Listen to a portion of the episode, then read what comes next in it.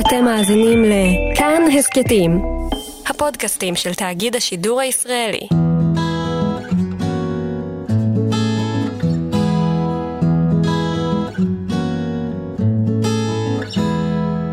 היי ושלום לכם, אתם איתנו בעוד תוכנית של שלמות בכאן תרבות 104.9 וגם 105.3 FM וגם באפליקציות יישומונים שלנו כאן וכאן אודי. אה, אנחנו אה, בסשן נוסף מתוך סדרת המיינדפולנס שלנו.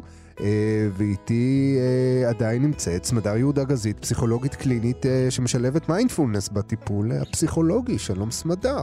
אהלן, רז. אז תראי, בפעם הקודמת דיברנו על, נקרא לזה, שני התבלינים העיקריים שכדאי לנו לשלב יותר, כן? ב... קראנו לזה אז התזונה של ה mind, נכון? דיברנו על אה, חמלה, נכון? נכון מאוד. ודיברנו על קבלה. נכון. בסדר הפוך אפילו. דיברנו קודם על קבלה ואז על חמלה. והיום אנחנו נדבר על משהו שכבר יצא לנו לדבר עליו אה, בתוכניות הקודמות, בסשנים הקודמים, אה, שלכאורה נראה בלתי נמנע, אז אולי נצליח במפגש הזה לפרק אותו קצת, אולי להבין אותו קצת יותר. אני מדבר על השיפוטיות. כן. שזה משהו שכולנו חוטאים בו כל יום, כמעט כל היום, נכון? לפעמים אפילו לא לגמרי מודעים לזה שזה מה שאנחנו עושים. ממש כך. אני חושבת שיהיה טוב שנתחיל מלדייק טיפה את המושג שיפוטיות. אוקיי. Okay. אה, אנחנו מתכוונים בעצם לכל אותן uh, עמדות פנימיות, uh, התייחסויות uh, שנותנות ביקורת, גם על עצמנו וגם על הסביבה, ואני מודה שכשאנחנו עוסקים במיינדפולנס ובתרגול, בדרך כלל, מה שיקפוץ לנו מאוד לעין ושחשוב לעבוד איתו, הוא דווקא החלק של הביקורת העצמית. כל מה שקשור לחלוקת ציונים, למדידה של דברים, הרבה פעמים זה יהיה בהשוואה למישהו אחר, בהשוואה לעצמי של פעם, בהשוואה למה שהייתי רוצה שיהיה. כל המשפטים האלה שאנחנו מכירים אותם uh, מבפנים. וואי, חשבתי שאני יודע יותר טוב, איזה דפוק אני. אה, אז זהו, יש מי שאומרים, את יודעת, שבינינו, אה, כן, כל אחד מכיר מישהו שתמיד יש לו מה להגיד על אנשים אחרים, נכון? ולפעמים אומרים לו, למה שלא תסתכל על עצמך? מה עם איזה קצת ביקורת עצמית? אז בדרך כלל דווקא האנשים האלה, הביקורת העצמית שלהם כלפי עצמם, גם אם היא לא מוחצנת, היא מאוד קשה. זאת אומרת, הם, הם נורא מחמירים עם עצמם, כן? כן, אני חושבת שאתה מזהה משהו נכון, והוא שהאיכות של היות שיפוטי היא בדרך כלל איכות כוללת. כלומר, אדם שהוא שיפוטי, הוא לרוב יפעיל את העמדה הזו כלפי עצמו וכלפי שאר באי העולם. אה, אנחנו רואים שכדי להתחיל לרכך את השיפוטיות הזו, המקום הכי חשוב להתחיל בו הוא בינינו לבין עצמנו. כלומר, אני בהחלט חושבת שיש ערך רב גם לכך שנלמד להיות פחות שיפוטיים כלפי הסובבים אותנו. אבל הדרך הנכונה להגיע לשם עוברת, ואולי מתחילה, בכך שאנחנו נתחיל ללמוד את השיפוטיות שלנו פנימה. ובמידה רבה זה בעצם תהליך של זיהוי של פסקול פנימי. הוא פסקול שמתנגן, כמו שאתה אומר, חלק גדול מהיום. כל דבר כמעט שאני נתקלת בו, האוטומט יהיה להביע דעה. אה, זה זה, כלומר, זה לא משהו אחר. וואו, ממש הפתיע אותי. אה, שזה מבחינתנו שיפוטי, כמו גם השיפוטיות השלילית, וחשוב לזכור את זה. אנחנו לא עושים איפה ואיפה. כל מפגש עם המציאות שבו אני מביעה דעה, אכזבה, ציפייה למשהו אחר, הוא מפגש שהכנסתי את העמדה שלי פנימה, והוא לא נשאר רק כמפגש עם מה שישנו במציאות כפי שהוא, עם האיכויות שיש בו שאינן בהכרח קשורות לציפיות שלי, לעבר שלי, או להשוואה לדברים אחרים. זאת אומרת, כמו הרבה דברים אחרים, הוא לא כל כך רציונלי. זאת אומרת, האופן שבו אנחנו שופטים את עצמנו לא חייב להיות אה, חפו, כפוף ל, ל, לנסיבות מסוימות, או ל, נקרא לזה אה, דרישות ריאליות בכלל, באופן כללי. זאת אומרת, הרעיון הוא לצפות מעצמנו אה, לסוג של שלמות כזו. אני חושבת שבכלל כשאנחנו מדברים על מיינדפולנס, המילה ציפיות נעשית לא רלוונטית. מיינדפולנס זה הלוך רוח שרוצה להפגיש אותנו עם מה שישנו כפי שהוא. יכול להיות שבזמן אחר אני אחליט גם לשבת מול הדבר הזה ולהעריך אותו ולשפוט אותו, אבל כשאני מתרגלת ומפתחת מיינדפולנס, אני מפתחת את היכולת לפגוש את הדברים לא דרך המשקפיים שנותנים הערכה, ביקורת או ציון סופי.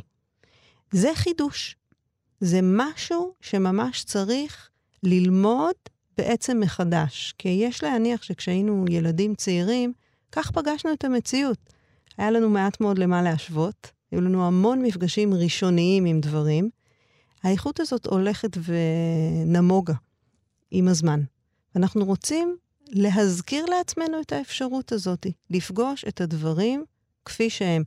אה, יש לאריק איינשטיין את השיר היפה הזה, אל תרכיבו משקפיים, לא כהות ולא שמחות, תסתכנו נא בעיניים, בעיניים פקוחות. זאת אומרת לראות את המציאות כפי שהיא, לא לייפות אותה, זה שיר של אלתרמן, לא, אגב. לא להחמיר איתה מדי, להסתכל עליה. זה לא עניין של להחמיר מדי, או להחמיא, להחמיא מדי. זה עניין של להסתכל ולהגיד, ככה זה. כלומר, אם קפצתי לרוחק והחלקתי, והגעתי למחצית הרוחק שציפיתי מעצמי, האפשרות להסתכל ולהגיד, אה, ah, 50 סנטימטר. ולרגע אחד להיות עם זה, עם חוויית ההחלקה, אולי עם איזה דמעה שעולה בעין כי אני נורא מאוכזבת. לרגע אחד להיות עם החוויה כפי שהיא. לבלום את הנחשול המאיים הזה של, וואי, איזה פספוס, כמה נורא, שאלה כבר מחשבות שיפוטיות. אוקיי. Okay. אז בואי ננסה, את יודעת מה, אולי לגשת ולנסות, לפני שאנחנו מנסים להבין אולי איך אנחנו מנטרלים או מפחיתים את ההישנות או את האפקט של המחשבות האלה, איך לזהות אותן יותר טוב. יש כללי אצבע ל... הנה, כאן אתה מתחיל קו מחשבה שיפוטי. כי אנחנו לא תמיד מודעים לזה, כן? דברים כאלה קורים לנו ביום-יום, רק במצבים מאוד מסוימים אנחנו אומרים לעצמנו, אולי אני קצת מחמיר עם עצמי. זאת אומרת, כשאתה מרגיש שאתה עובר סוג של גבול, אתה אומר לעצמך, אולי אני קצת קשה עם עצמי, ורק אז אתה מבין בכלל שאתה שופט את עצמך כבר כמה דקות על איזשהו משהו. זה מאוד נכון מה שאתה אומר, וזה מתקשר להגדרה הזאת של הפסקול הבלתי מובחן. זה הופך להיות כבר חלק כל כך אינטגרלי מאיתנו, ומהדיבור הפנימי, שאנחנו לא מזהים את זה כמשהו חריג או משהו יוצא דופן. ובתרגול המיינדפולנס אנחנו ממש רוצים ללמוד לזהות את הדברים האלה. לא אומרת למגר אותם, זה סיפור אחר, אבל תמיד ההתחלה היא מההתבוננות שאומרת, אה, הנה שיפוטיות. אגב, אחת הסכנות במרכאות כפולות היא שמיד נהיה שיפוטיים כלפי זה, ונגיד, אה, אתה ממש שיפוטי היום. שזה שיפוטיות על היותך שיפוטי. בדיוק. אז מה עושים עם זה? זה לופ, אי אפשר לצאת מזה. זה יותר גרוע מלופ, זה מגדל רב קומות. כי אחרי שהיית שיפוטי, על זה שאתה שיפוטי, מה אתה יכול להיות? שיפוטי. שוב שיפוטי, על, על זה שאתה שיפוטי, על זה שהיית שיפוטי כלפי עצמך. בדיוק. אנחנו רוצים להישאר כמה שיותר צמודי קרקע, לא לבנות מגדלים רבי קומות של שיפוטיות על השיפוטיות. על... אני רוצה להגיד לעצמי, ככה זה עכשיו. הנה שיפוטיות. אין לי יותר מה להגיד על זה. אני נפתחת מחדש אל הרגע הבא, אל הנשימה הבאה. הנה אני שיפוטית. ברגע שזיהיתי, אני מלמדת את עצמי להניח את זה. אני לא מתדיינת, וזה אחד הדברים הכי עקרוניים בתרגול. אני לא מדברת על הדברים, אני לא מתדיינת איתם, אני לא מנתחת אותם. כל מה שאני עושה עם התופעות החולפות האלה בתודעה הוא לזהות. הנה, ככה זה. זה מה שישנו עכשיו. וזה מחזיר אותי למטאפורה שנגענו בה באחד המפגשים הראשונים, תודעת המראה. אני רוצה להיות מראה, אבל בלי להתחיל להפליג בכל הדעות שלי על מה שאני רואה. ולכן, גם אם אני אשב איתך בחדר הטיפולים וננהל שיחה, וכבר המושגים האלה יהיו מוכרים לך, אתה תוכל לספר לי על משהו שאירע ולהגיד, התנהגתי כמו אידיוט. ואז אני אוכל בעדינות להגיד לך, היי, hey, אתה שם לב לשיפוטיות, ונוכל שנינו לחייך ולהמשיך את השיחה. כלומר... זיהינו, הנחנו בצד. נכון, וכאן משתקפת התפיסה העמוקה שהמקורות שלה הם בודהיסטים, שאומרת, עצם ההתבוננות היא טרנספורמטיבית. צריך לאסוף וללקט, טיפה אחר טיפה. עוד הזדמנות שאתה מבחין, עוד הזדמנות שאתה מתבונן ומזהה, ומתוך כך יתחיל לצמוח השינוי.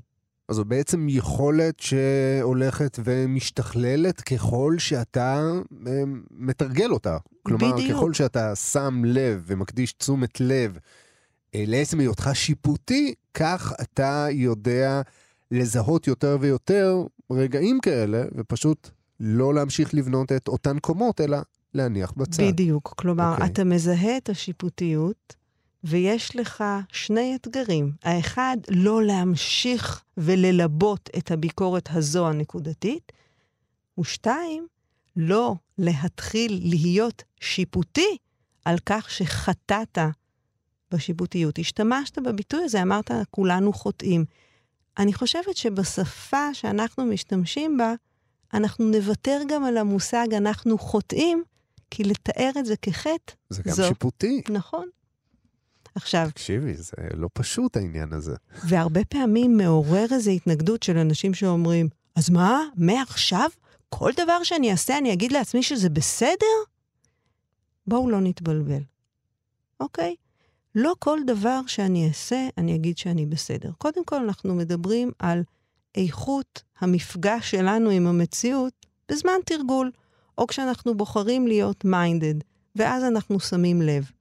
כמו שדיברנו פעם שעברה על קבלה וחמלה, ברגע שזיהית את זה, יש לך הזדמנות מצד אחד לקבל ולזהות בזה איכות אנושית שלא אתה יצרת, ושותפים לך עם הנושא הזה רוב באי עולם.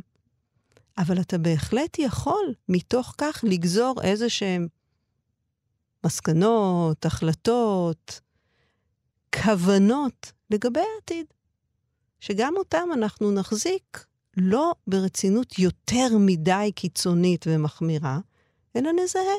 אולי יש כאן מקום שלהבא אפשר יהיה לרכך אותו, או לתפוס אותו לא אחרי שלושה ימים, אלא אחרי שלוש דקות. וזה מחזיר אותי לסיום המפגש הקודם שלנו, שאמרנו עשרה אחוז. אז בואו נכוון לזיהוי של עשרה אחוז מהמקרים שבהם אנחנו שיפוטיים. חשוב לי גם להגיד שאחד הגורמים שמניעים אותנו להיות כל כך שיפוטיים, הוא התאווה שיש לנו לכך שהכל יהיה מאה אחוז. הפרפקציוניזם. אז זהו, רציתי להגיד, רציתי לשמור את זה לאחר כך, אבל כשאמרת נניח אה, שזה מחזיר אותך לסוף המפגש הקודם שלנו, שגם עשרה אחוז זה, זה בסדר, אז האינסטינקט שלי היה לומר, כן, עשרה אחוז זה משהו נהדר להתחיל ממנו. כלומר, זה, זה לא משהו שאני מוכן להסתפק בו, כן? אז שמתי לב שזה גם שיפוטי, ולכן לא אמרתי את זה, אז זה מצחיק אותי שאמרת את זה עכשיו. עכשיו, אני חושבת שזה אחד האתגרים שיש לי גם כשאני מלמדת. Uh, הכוונה היא לא שאם זה עובר לך בראש, לא תגיד את זה, כי וואי, זה שיפוטי. כי השיפוטיות היא נחלת כולנו, והיא פסקול שעובר כחוט השני בין כלל האנשים. להפך, ככל שנוכל להגיד, אופס, הנה, גם זה שיפוטי, וגם זה יושב על איזה מקום שרוצה שזה יהיה אחרת. לא רוצה את זה ככה. רוצה יותר, רוצה בזמן שאני בוחר, רוצה איך שאני בוחר. כל זה מתקשר לאותה תאווה שדיברתי עליה. אני רוצה את זה ככה. והפרפקציוניזם והמרדף אחרי הזמן מאוד מאפיין אותנו בעולם המערבי. כל הקונספט הזה של להניח קצת לשיפוטיות, הרבה פעמים מעורר התנגדות קשה, כי נדמה לנו, כולנו איכשהו מפרנסים איזו אמונה שהשיפוטיות היא זו שמקדמת אותנו. בגלל שאנחנו דורשים מעצמנו ולא מסתפקים במה שיש, רק ככה אנחנו מתקדמים. ברור, רק אורח חיים סגפני מניב uh, תוצאות והישגים. ו- ועל זה אני אומרת, בוא, בוא תנסה שבוע. בוא תנסה שבוע ותעריך בסופו עד כמה חמורה הייתה הפגיעה באפקטיביות שלך, בהתקדמות. אני יכולה להגיד uh, בתור uh, ככה ספוילר, שבדרך כלל מה שנגלה אחרי שבוע, זה שהייתה לנו קצת יותר רווחה, אולי אפילו נוצלה לטובת כל מיני דברים שרצינו להתקדם אוי בהם. אוי ואבוי, חס וחלילה. אוקיי. אני, אני רוצה שנעשה עכשיו איזה תרגיל קטן. אוקיי. Um, תגיד לעצמך עכשיו ככה בלב, כמה דברים כאלה מה, מהרפרטואר שאתה משתמש בו כשאתה רוצה לרדת על עצמך.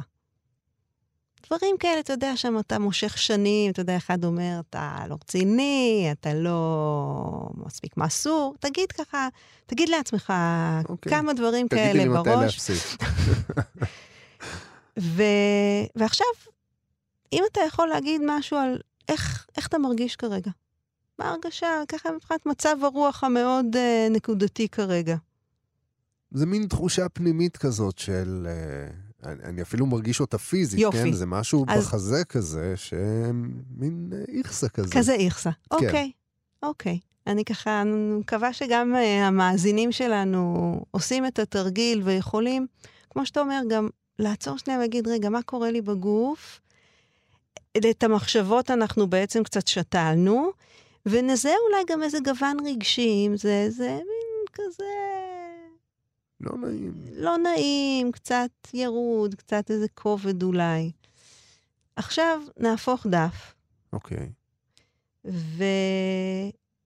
ותנסה לדמיין שמישהו אומר לך, מישהו שיקר לך, מישהו שאתה מעריך את דעתו, אומר לך כמה דברים ככה מאוד טובים על עצמך, שאתה יודע שהם, שיש בהם אמת. אולי אתה לא תגיד לעצמך, אבל מישהו אומר לך ככה, מאיר בפנס, ואומר, הנה, תראה, אולי מסמן איזה פרויקט או שניים שעשית והיו מוצלחים.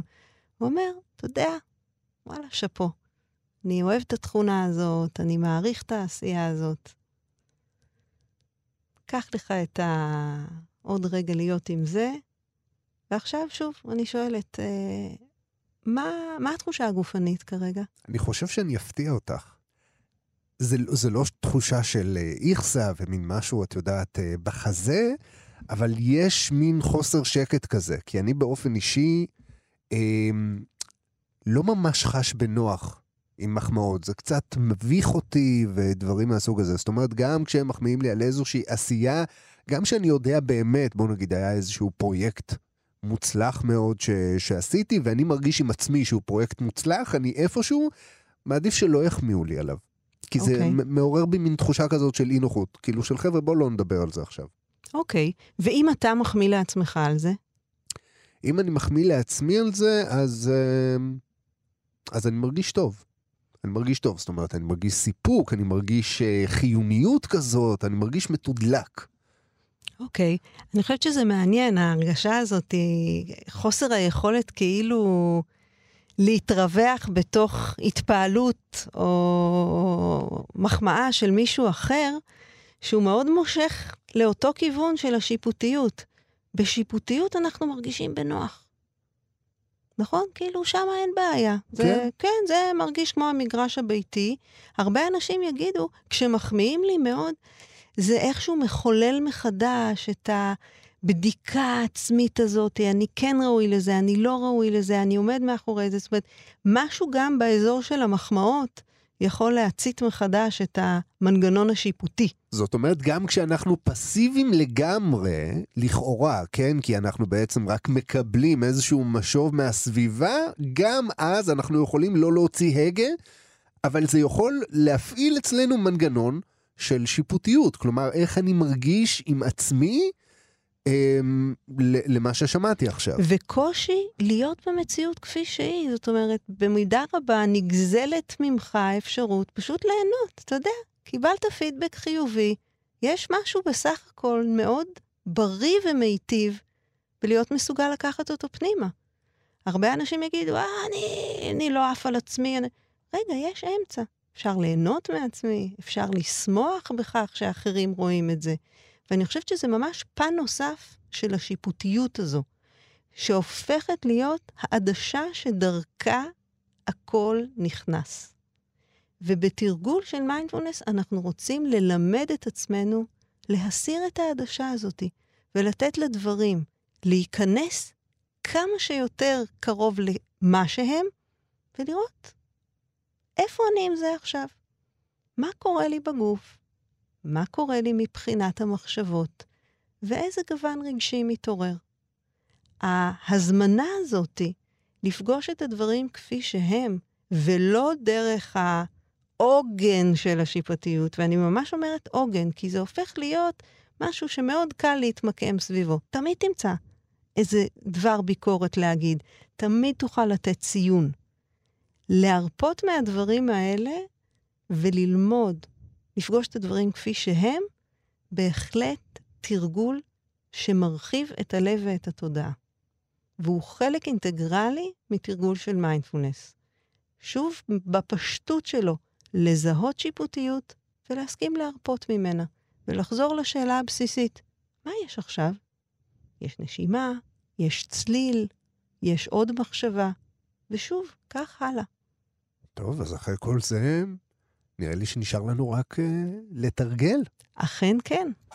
רגע, פוזיישן נוח. אנחנו עוברים לשלב התרגול. שלב התרגול, כן. אמנם uh, שלב הדיבורים הוא מעניין, אבל כמו שאמרנו כבר, אין כמו תרגול.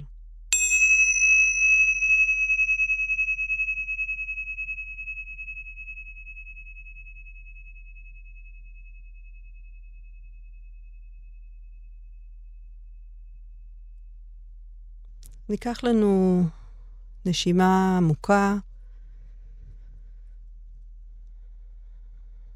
נזמין את עצמנו באמת uh, להתיישב בתוך הגוף שלנו, להרגיש אותו יושב, להרגיש את כפות הרגליים מבוססות.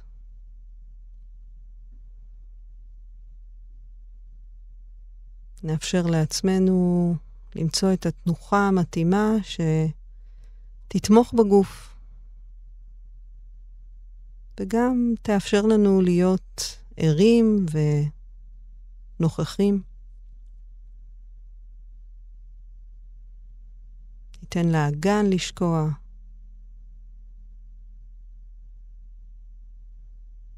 נחוש את עמוד השדרה. זקוף, ערני, ובו בזמן גם נינוח. כמו תמיד, נשים לב שחגורת הכתפיים איננה מאומצת, שברי הפנים נינוחים. נאפשר למפרקי הלסתות לנוח, לזרועות, ולכפות הידיים להיות במנוחה. ונביא עכשיו את תשומת הלב אל מרכז הגוף, ונמצא את הנשימה. נמל הבית שלנו.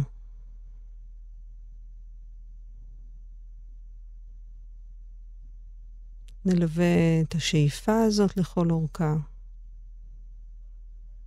נלווה את הנשיפה לכל אורכה.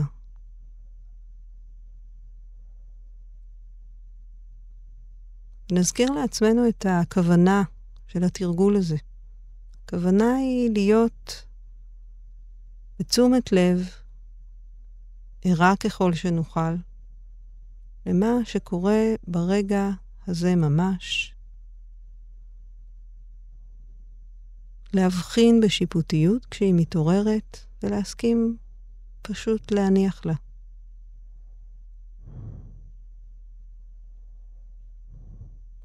כמו פרפר שמתעופף, אנחנו לא מנסים ללכוד אותו ולא לסלק אותו, רק נבחין שהוא שם.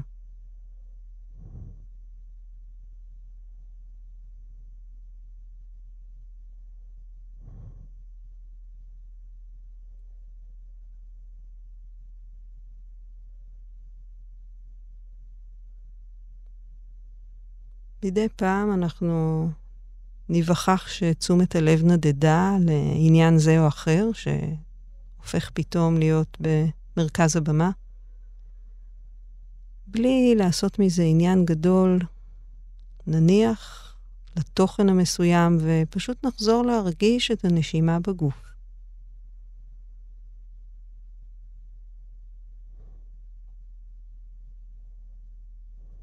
שים לב גם אם אנחנו שיפוטיים כלפי עצם הנדידה הזאת של תשומת הלב. ונניח לשיפוטיות הזו אם ישנה.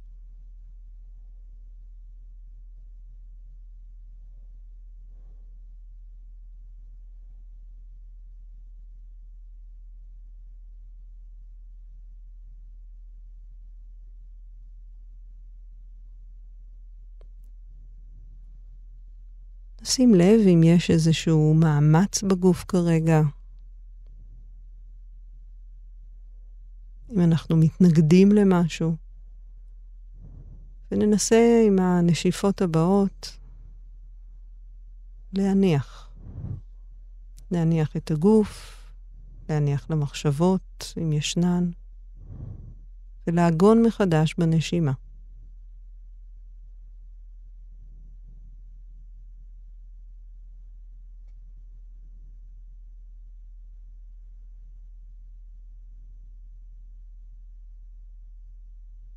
ישנו עכשיו?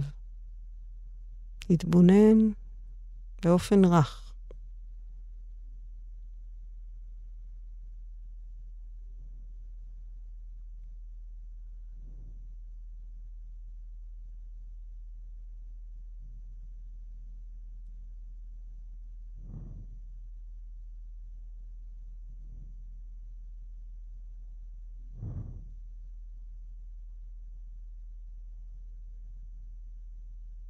נחזור לנשימה.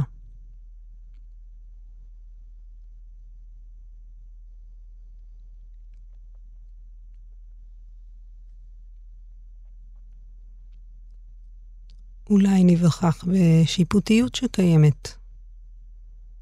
אנחנו יכולים להיות שיפוטיים כלפי אופן התרגול, כלפי עניין כלשהו שעולה. רק נסמן ונניח.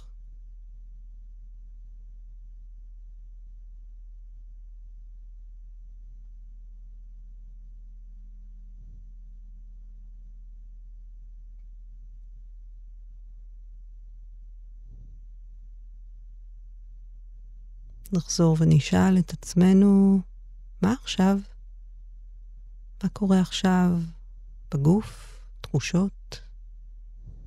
מה קורה בחשיבה? ומה הגוון הרגשי? נזהה ונניח.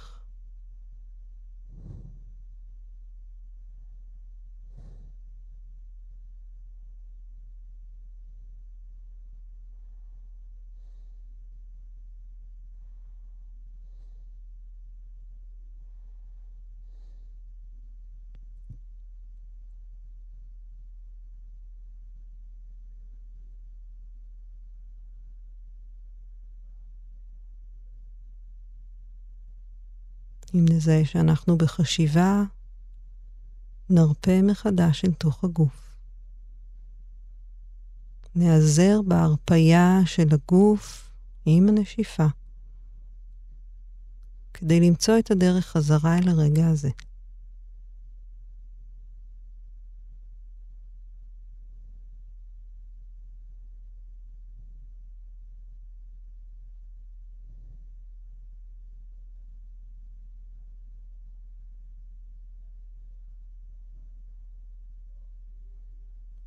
כשנשמע את המצילות, ניתן לעצמנו להאזין לצליל שלהם עד תום.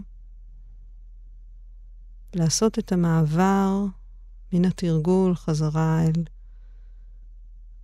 היום-יום שלנו הרגיל, באופן עדין ככל האפשר.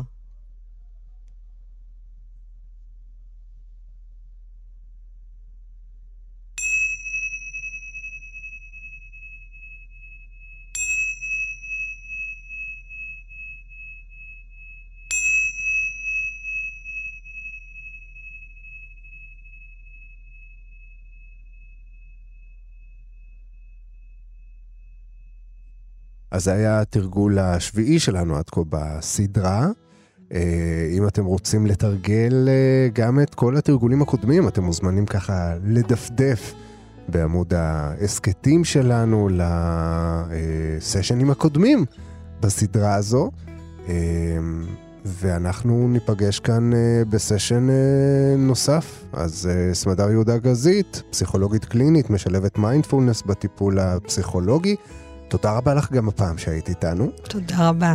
תודה רבה גם לכם. אה, אתם שוב מוזמנים לגלוש לעמוד ההסכתים פודקאסטים שלנו בכתובת www.kan.org.il/פודקאסט. אה, כל ההסכתים הקודמים בסדרה הזאת של שלמות ובכלל הסכתים נוספים בנושאים אחרים גם אה, נמצאים שם להאזנה חופשית וחינמית. אנחנו נשתמע כאן בפעם הבאה. עד אז, להתראות.